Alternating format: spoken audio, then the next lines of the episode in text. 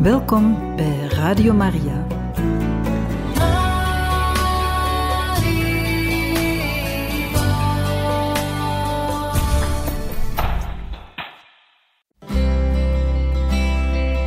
Welkom bij Boekat, een programma van Radio Maria.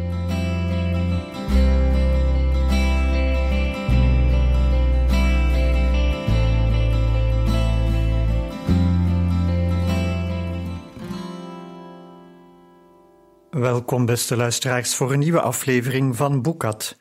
We lezen vandaag uit het boek van Tessa Afshar, schrijfster aan het Perzische Hof. Ik werd gewekt door gegichel. Pari stond aan mijn voeteneind, een hand vergeefs voor haar mond houdend om het gegrinnik te verbergen. U hebt hem op bed gelaten, lachte ze, en wees naar het harige wezen dat op mijn voeten lag. Ik gaapte. Hij stond erop. Nou ja, zolang hij boven op het bed blijft en niet probeert in mijn bed te kruipen. Dat zei u ook over op het bed zitten. Hij jankt. Wat moet ik dan doen? Hem negeren?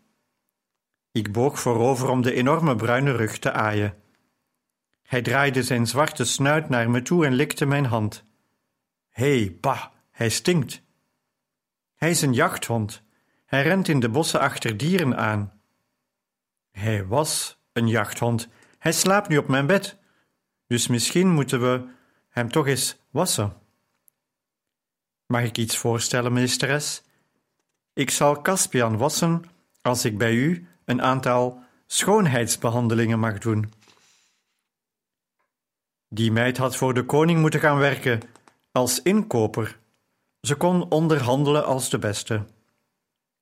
Binnen een paar seconden had ik ingestemd met haar eisen, die ze strikt, maar vriendelijk op tafel legde, alsof het mijn eigen idee was geweest. Tevreden dat ze haar zin had gekregen, ging Pari op de rand van mijn bed naast de hond zitten en klopte hem met afwezige tederheid op de rug. Wat moeten we toch aan met die vreselijke thijspes? Misschien kan de Heer u helpen. Haar onlogische redenering overviel me. De Heer. Ik leunde achterover tegen een te dik kussen, verbaasd dat ze zijn naam überhaupt kende. Wat weet jij van de Heer? Toen ik nog een klein meisje was, woonde bij ons in de buurt een Joodse wasvrouw. Ze was dol op kinderen, maar ze had er zelf geen. Soms mocht ik met haar mee, als mijn moeder mij, niet nodig had. Ze vertelde me dan verhalen over uw volk. Mijn favoriete verhaal was dat van die herdersjonge David, die een reus velde met een katapult. Goliath, mompelde ik, precies die. Misschien bent u David en is Thijspes Goliath. Hij heeft er in elk geval de kin voor. Ik lachte. Ik denk niet dat stenen gooien naar hem onze problemen gaat oplossen. Nee, maar Thijspes heeft veel macht, net als Goliath. U bent nietig in vergelijking met hem. U hebt geen rijkdommen, geen connecties, noch het luisterend oor van uw echtgenoot. We hebben het tij zeker niet mee, net als het volk Israël het tij tegen had. Maar soms maakt dat niet uit. Ik was onder de indruk van haar scherpzinnigheid. Nehemia zou haar mogen, bedacht ik. Een klop op de deur deed ons zwijgen. Ik kon me niet herinneren dat iemand mijn kamer had willen betreden sinds ik hier weken geleden was komen wonen. Caspian tilde zijn kop op, rimpelde zijn voorhoofd en legde toen zonder enig protest zijn kop weer op het laken. Dat moest een beschermende jachthond voorstellen. Pari stond op, streek haar rok glad en opende de deur. Daar stond Bardia. En hij verfrommelde zijn hoed met zijn kromme vingers. Ik trok een ochtendjas aan en liep snel naar hem toe. Wat is er? Niets, meesteres. Ik wilde u dit geven. Hij boog voorover en pakte een kom op die gevuld was met geurende jasmijn. Ik begroef mijn neus in de bloemen en snoof het aroma op. Als je neus diep weggestopt zit in een kom vers geplukte jas jasmijn, kun je zelfs de grootste problemen haast vergeten. Mijn moeder plukte vroeger ochtends jasmijn voor me. Ze legde de bloemen op mijn kussen terwijl ik nog sliep, zodat ik met de geur van jasmijn zou ontwaken. Ik pakte een klein bloempje en draaide het rond tussen mijn vingers. Het is lang geleden dat iemand me jasmijn bracht. Het is om u te bedanken. Bedanken? Voor wat? Ik had gehoopt dat hij niet door zou hebben dat ik achter de schoonmaak van zijn huis zat. U hebt mijn huis schoongemaakt. Het spijt me dat ik het zo heb laten verkommeren. Hij keek niet op terwijl hij sprak. Ik houd jou daar niet verantwoordelijk voor, Bardia. Je werkt al meer uren dan twee bedienden van de koning bij elkaar. Het witte hoofd bleef gebogen. Het is die arrogante rentmeester Thijspes, ging ik verder in een poging hem het gevoel te ontnemen dat het zijn schuld was. Ik snap niet wat hij erbij te winnen heeft om het landgoed zo slecht bij te houden. Als ik zijn boekhouding maar kon inzien, dan vond ik wellicht een paar antwoorden. Maar die sluwe vos houdt het kantoor stevig afgesloten. Ja, en hij draagt de sleutel dag en nacht om zijn nek. Ik zag hem het ding zelfs een keer omhouden in het badhuis. Bardia plukte aan zijn witte baard. Ik slaakte een zucht. Hoe kunnen we hem zo ver krijgen zijn dierbare sleutel af te staan? Eén ding weet ik wel. Hij is op de derde dag van de week waarschijnlijk makkelijker over te halen. Barry gniffelde. Hoe kan de ene dag van de week nou anders zijn dan de andere bij dat rot humeur? Om te beginnen slaapt hij op dinsdag vaster. Thijspus nam elke maandag vrij. Hij vertrok voor zonsopkomst en kwam volledig uitgewoond midden in de nacht weer thuis. Niemand wist hoe hij zijn tijd doorbracht, maar naar zijn adem en zijn wankele trend te oordelen, was wel duidelijk dat er rijkelijk wijn bij vloeide. En dus kozen we dinsdag als de ideale dag om Thijspes sleutels te lenen. Bardia stond erop dat hij bij het afpakken van de sleutel aanwezig was, aangezien het ongepast zou zijn voor een vrouw om alleen de kamer van een man te betreden. Ik maakte mijn handlangers duidelijk dat of ik zelf Thijspes aanpakte, of het hele plan van de baan was. Ik ging ervan uit dat als we betrapt werden, Thijspes mij niet op straat zou durven zetten, hoezeer Darius ook een hekel aan me had. Bedienden waren veel kwetsbaarder. Toen de nacht viel, wachtte Pari, Bardia en ik in een smalle gang naast Thijspes kamer op zijn terugkeer en hingen vervolgens nog zeker een uur in onze schuilplaats rond, om er zeker van te zijn dat hij sliep. Ik had geen lamp bij me, uit angst dat het licht hem zou wekken als ik naar binnen ging. Ik had ruim een uur in het donker zitten wachten en mijn ogen waren inmiddels zo aan het duister gewend dat ik bij het licht van de maan genoeg kon onderscheiden om de omtrekken te herkennen van een lijf dat uitgeteld op een matras lag.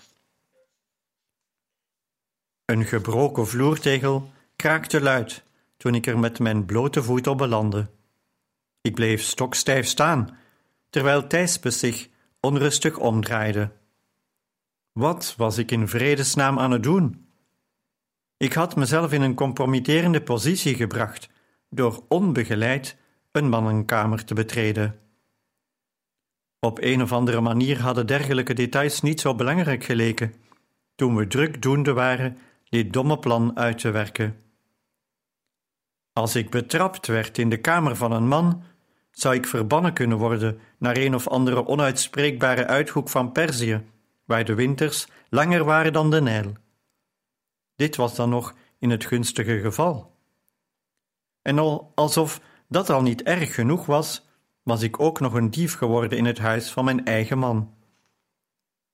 Dit avontuur was het bewijs van een wel heel donkere kant van mijn karakter, bedacht ik. Nooit eerder had ik iets gestolen. Ik overwoog heel even om te keren en van deze waanzin weg te lopen. Maar toen ik terugdacht aan die deplorabele toestand van Bardia's huisje en de lege kasten van de kokkin en het gebrek aan hulp waar ze allen onder leden, besloot ik mijn voeten te dwingen door te lopen. Veel te snel bevond ik me naast de rentmeester. Zijn gezicht was van me weggedraaid. Een arm lag over het bed, de ander was onder zijn gezicht gevouwen. Ik knielde en boog me zo stil als ik maar kon over hem heen. Hij stonk naar zure wijn. Ik was nu zo dichtbij dat ik de ketting om zijn nek zag glinsteren. Maar zoals hij nu lag, kon ik de ketting onmogelijk van zijn nek halen zonder hem te wekken. Ik kon naast hem gaan zitten wachten tot hij van positie veranderde. Of ik moest iets doen.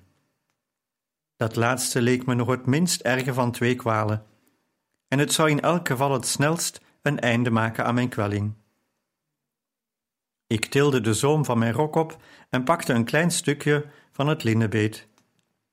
Ik prevelde een schietgebedje en kietelde de punt van Thijspes neus ermee. Die krulde zich als een konijnenneus en hij tilde een hand op om dat wat hem stoorde weg te slaan. Ik slaagde erin zijn slaperige neus nog een keer te raken en kietelde hem opnieuw. Thijspes kreunde en draaide zich op zijn rug. Ik bleef stokstijf staan, als de dood ook maar een spier te vertrekken. Hij bleef luid snurkend op zijn rug liggen en de beweging had de ketting bereikbaar gemaakt. Pijnlijk langzaam pakte ik de sleutel om te voorkomen dat hij geluid zou maken, en trok ketting en sleutel in één beweging omhoog. De sleutels waren snel over zijn hoofd te krijgen, maar de achterkant van de ketting lag nog steeds tegen zijn nek, die op het kussen rustte. Om hem los te maken zou ik hard moeten trekken, een beweging waar hij geheid niet doorheen zou slapen. Ik kneep mijn ogen dicht en bleef een moment lang zo staan om moed te verzamelen. Ik blies in zijn oor. Met onverwachte snelheid hief Thijspes zijn hand op om mij weg te jagen. Ik wist maar net aan de baan die zijn arm maakte te ontsnappen. Net toen ik dacht dat ik drastischer en gevaarlijker maatregelen zou moeten nemen, draaide hij zijn hoofd weg en legde zo de ingeklemde ketting bloot. Met een snelheid die ik niet van mezelf kende, greep ik de ketting en sleutel vast en sloop de kamer uit. We hoopten dat Thijspes niet door zou hebben waar zijn sleutels waren gebleven. Ik had meer kans me tegen hem te weren als ik hem kon verrassen. Ik had een paar uur de tijd om de boekhouding te controleren en op zoek te gaan naar de redenen van zijn gedrag. Ik rende naar de kamer waar de administratie van het landgoed werd bewaard en liet Pari achter om Thijspes kamer in de gaten te houden, terwijl Bardia in het donker voor het kantoor de wacht hield, waar ik me nestelde om de rest van de nacht door te brengen. Ik vergeleek de gegevens van het landgoed op meerdere aspecten. Een jaar voor Thijspes kwam en tijdens de drie jaar dat hij nu rentmeester was. Er waren zoveel details en zoveel verschillende bezittingen dat ik er slechts oppervlakkig naar kon kijken. Ik zou zeker een maand nodig hebben voor een grondig onderzoek, maar ik was getraind genoeg om in die paar uur die ik had meteen al een aantal onrechtmatigheden te ontdekken. Net toen het interessant begon te worden, renden Pari en Bardia naar het kantoor. Hij komt eraan, hij komt, siste ze in koor. Ik sprong overeind, heel even in paniek. Ik greep twee dikke rollen perkament en legde de rest zorgvuldig terug op de planken waar ze vandaan waren gekomen. Snel, meesteres, siste Pari, hij komt deze kant op. Mijn hart bonkte zo hard dat ik het bloed in mijn oren hoorde ruisen. Weg, ja, ga onmiddellijk weg, beval ik. Mijn medeplichtigen renden de kamer uit en ik volgde hen op de voet. Maar sloot nog wel eerst de kamer af. Van de andere kant zag ik Caspian op me afkomen huppelen. Ik had geen idee hoe de hond zich uit mijn kamer had weten te bevrijden, die ik gebarricadeerd had, uit angst dat hij ons blaffend en wel zou verraden. Maar hij bracht me op een idee. Er was geen tijd om het goed door te denken, want ik kon Thijs' zware tred al horen. Ik boog me voorover en bood de hond de ketting aan. Breng hem naar Thijspes, fluisterde ik. Thijspes, begrepen? Hij keek me met intelligente bruine ogen aan, en heel even was ik ervan overtuigd dat die hond net zo vloeiend Persisch sprak als ik. Hij nam de ketting braaf in zijn bek, liet de kant met de sleutel eraan bungelen en holde in de richting van Thijspes voetstappen, terwijl ik de andere kant oprende. Ik bleef vlak voor mijn kamer staan en probeerde op adem te komen. In het duister hoorde ik de woedende stem van de rentmeester. Jij rotbeest, hoe kom je eraan? Monster, geef dat terug! Ik hoorde de hond diep grommen en vreesde even voor Thijspes vingers. Moest ik hem gaan redden? Maar toen hoorde ik Caspian janken en wist dat de rentmeester hem op een of andere manier pijn had gedaan. Mijn bloed begon te koken. Ik drukte Pari de moeizaam veroverde rollen perkament in handen en siste: Verstop ze! Wees naar Bardia en instrueerde hem haar te helpen. Ik volgde het geluid van Caspians geblaf en Thijspes gevloek door de lange gangen van het paleis, tot ik hen in het vizier kreeg. Ik deed of ik vreselijk moest gapen en reuze slaperig was, alsof ik net mijn bed had verlaten, en bleef plotseling staan. Wat ben jij in vredesnaam aan het doen, Brut? Hoe durf je de lievelingshond van je meester te schoppen? Thijspes been bleef midden in een schop zweven en zijn mond viel open. Ik, ik, hij, hij is een dief. Hij heeft mijn ketting en sleutel gestolen. Doe niet zo belachelijk, man. Het is maar een hond. Als je dingen laat slingeren, loop je de kans dat hij ermee speelt. Deze ketting verlaat nooit mijn nek. Die hond heeft hem gestolen, ik zeg het u. Je bent niet goed wijs. Pak die ketting en geef mij de hond. Ik zal je meester informeren over dit gedrag. Daar kun je op rekenen. Zonder nog een woord te zeggen, maakte Thijspes de ketting los uit de kaken van de hond. Caspian stond zijn prooi in mijn nabijheid met onschuldige gehoorzaamheid af. Vervolgens kwam hij op me af en liepen we samen weg. Veilig en wel in mijn kamer knuffelde ik het beest. Goed zo, jongen. Waarom liet je je slaan door die vent? Je had zijn hand er toch kunnen afbijten. Ik realiseerde me dat Caspian weliswaar voor de strijd en de jacht was getraind, maar blijkbaar ook had geleerd de mensen die hij als zijn meesters beschouwde te gehoorzamen. Bijzonder beest. Ik legde mijn hoofd tegen zijn romp. Mijn dappere vriend.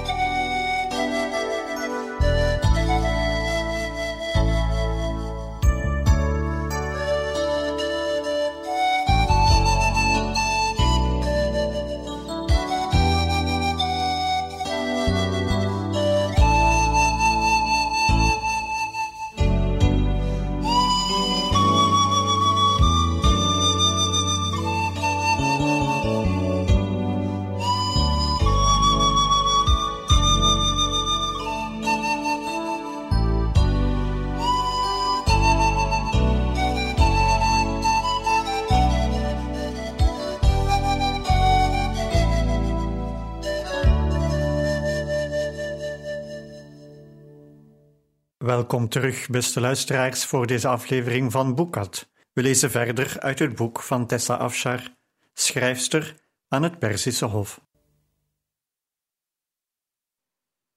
Zal hij niet doorhebben dat u die rollen hebt gestolen? vroeg Pari met zorgelijke stem. Waarschijnlijk niet. Hij is rentmeester, geen schrijver, dus het meeste van zijn werk draait om lopende rekeningen. En ik heb oude documenten meegenomen. Tenzij hij ze gericht gaat zoeken, zitten we voorlopig goed. We waren samengekomen in de kruidentuin, waar Bardia druk aan het werk was. Pari en ik hadden ons bij hem gevoegd en trokken nu weer barstig onkruid uit en hielpen bij het aanplanten van late zaailingen. Zoals bij vrijwel alles liep Bardia ook bij het zaaien van nieuwe kruiden achter. Zijn parttime assistent was drukdoende met de amandelbomen, en dus waren wij de enigen die hem konden helpen. Hij protesteerde niet tegen onze hulp, want tuinieren werd als een nobel tijdverdrijf gezien, geschikt voor zowel hoger als lager geplaatsten. Pari droeg me wel op om linnen handschoenen te dragen om mijn handen te beschermen, en stond erop een parasol mee te brengen om me tegen de zon te beschermen. Het voelde nog altijd raar als ze me als een dame behandelde. Wat ik niet was. Ik was dan officieel met een edelman getrouwd, maar in werkelijkheid was ik nog altijd de dochter van een schrijver en tot in mijn botten een bediende.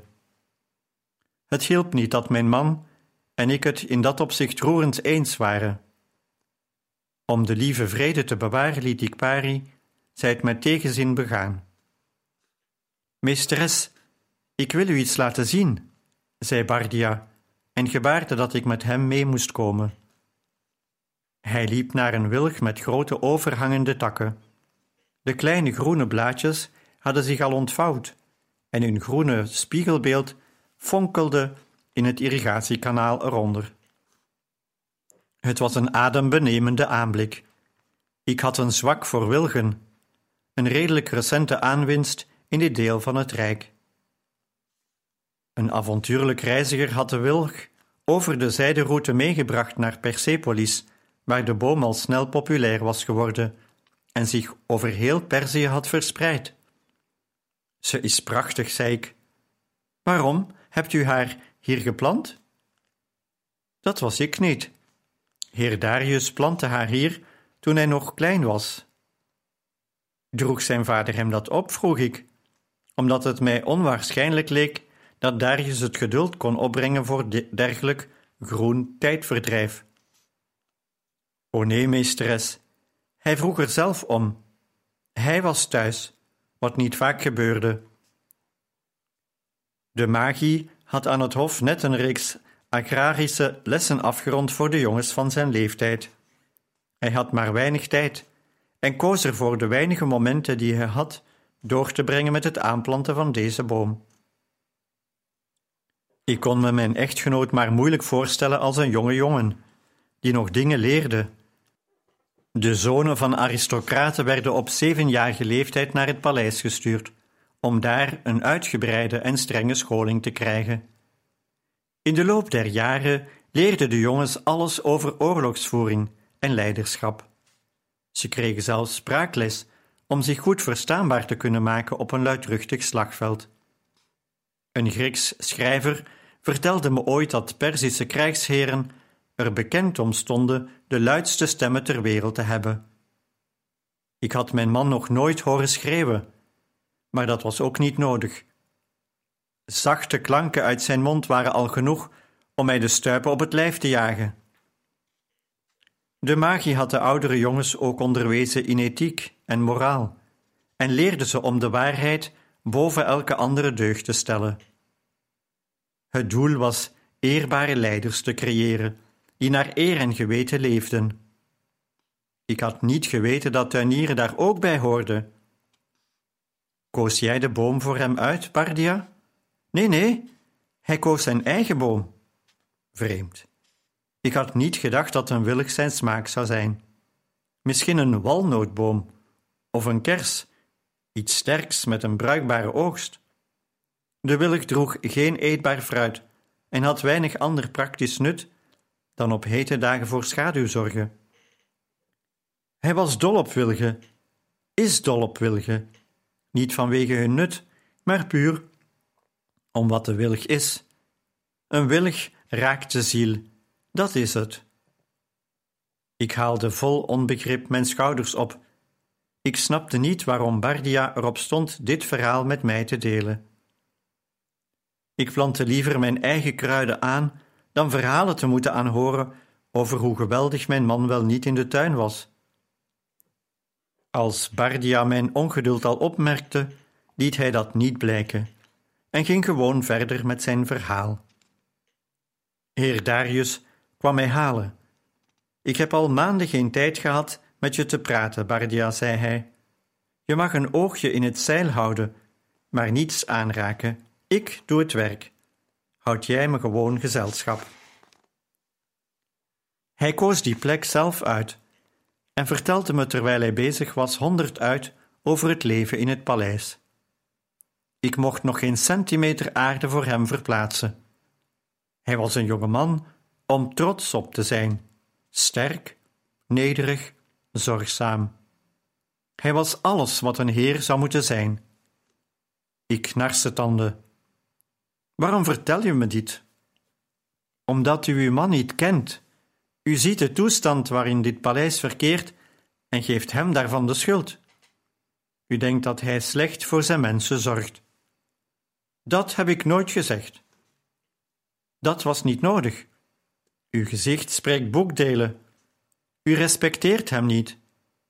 Neemt u mij niet kwalijk dat ik zo tegen u spreek, meesteres, maar uw oordeel over hem is echt misplaatst. Mijn onderkaak zou aan de voet van die willig zijn beland als zij niet aan mijn hoofd vast had gezeten. Mijn mening over hem misplaatst, die is goed. Bardia trok aan zijn baard. Verscheen u werkelijk als een demon uit de duister op uw eigen bruiloft? Was er iemand in het Perzische Rijk die niet tot in detail weet had van mijn schande? Ik voelde me net Job. Dat was. Dat wat ik vreesde, was mijn lot geworden.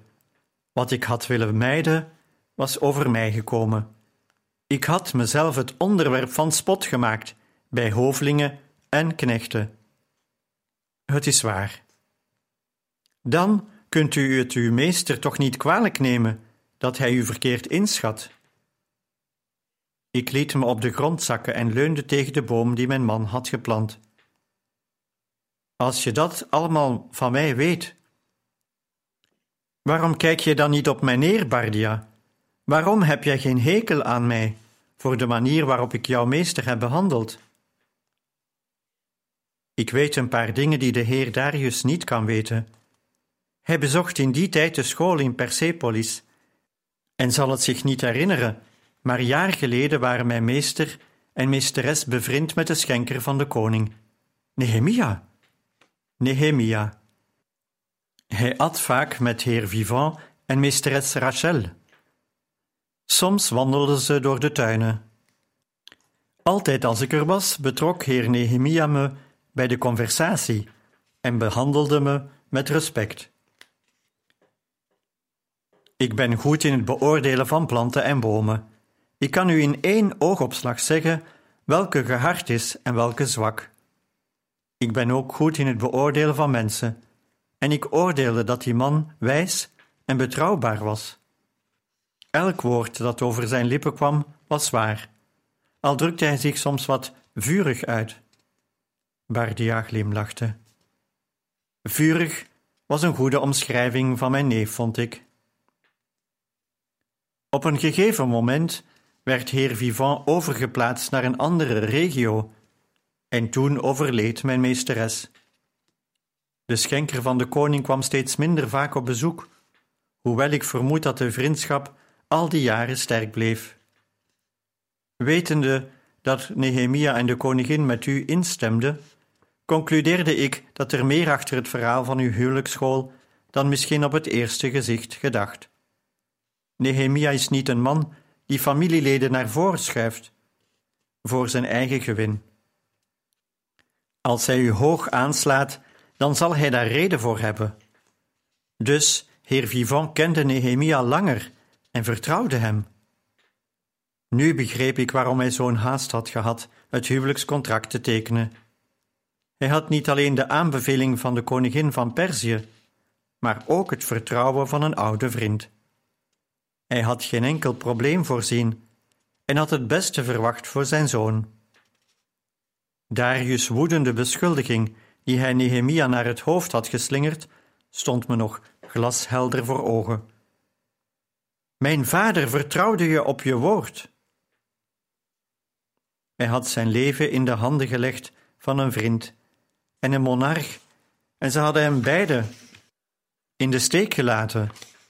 Een man die zich tegen een huwelijk had geweerd en tegen alle mogelijke druk en elke denkbare verwachting stand had gehouden, had eindelijk toegegeven, vertrouwend op het woord van iemand die een vriend van zijn moeder was geweest.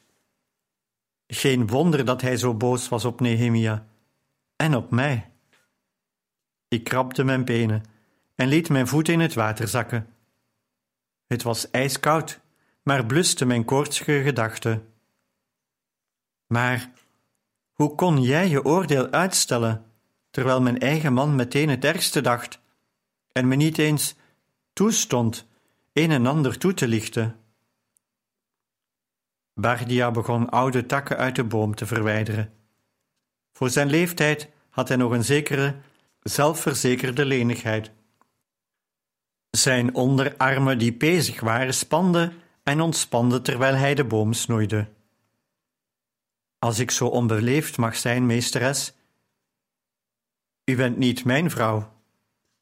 Hoezeer ik ook op mijn meester gesteld ben, ik kan nog steeds helder denken, ongeacht de omstandigheden. Iets wat hij in het vuur van het gevecht, zo gezegd, duidelijk niet kan. Jij hebt op alles een antwoord, oude man. Ik ga terug naar mijn gestolen documenten. Die zitten me tenminste niet dwars, met dit soort kronkelargumenten. Op weg naar mijn kamer hield ik stil bij een bloemenbed om een boeket bleekgele lelies te plukken. Bardia had een liefde voor bloemen in mij gewekt. De aanblik van die frisse, mooie blaadjes maakte mijn hart dat gebukt ging onder de ene moeilijke situatie na de andere helemaal blij.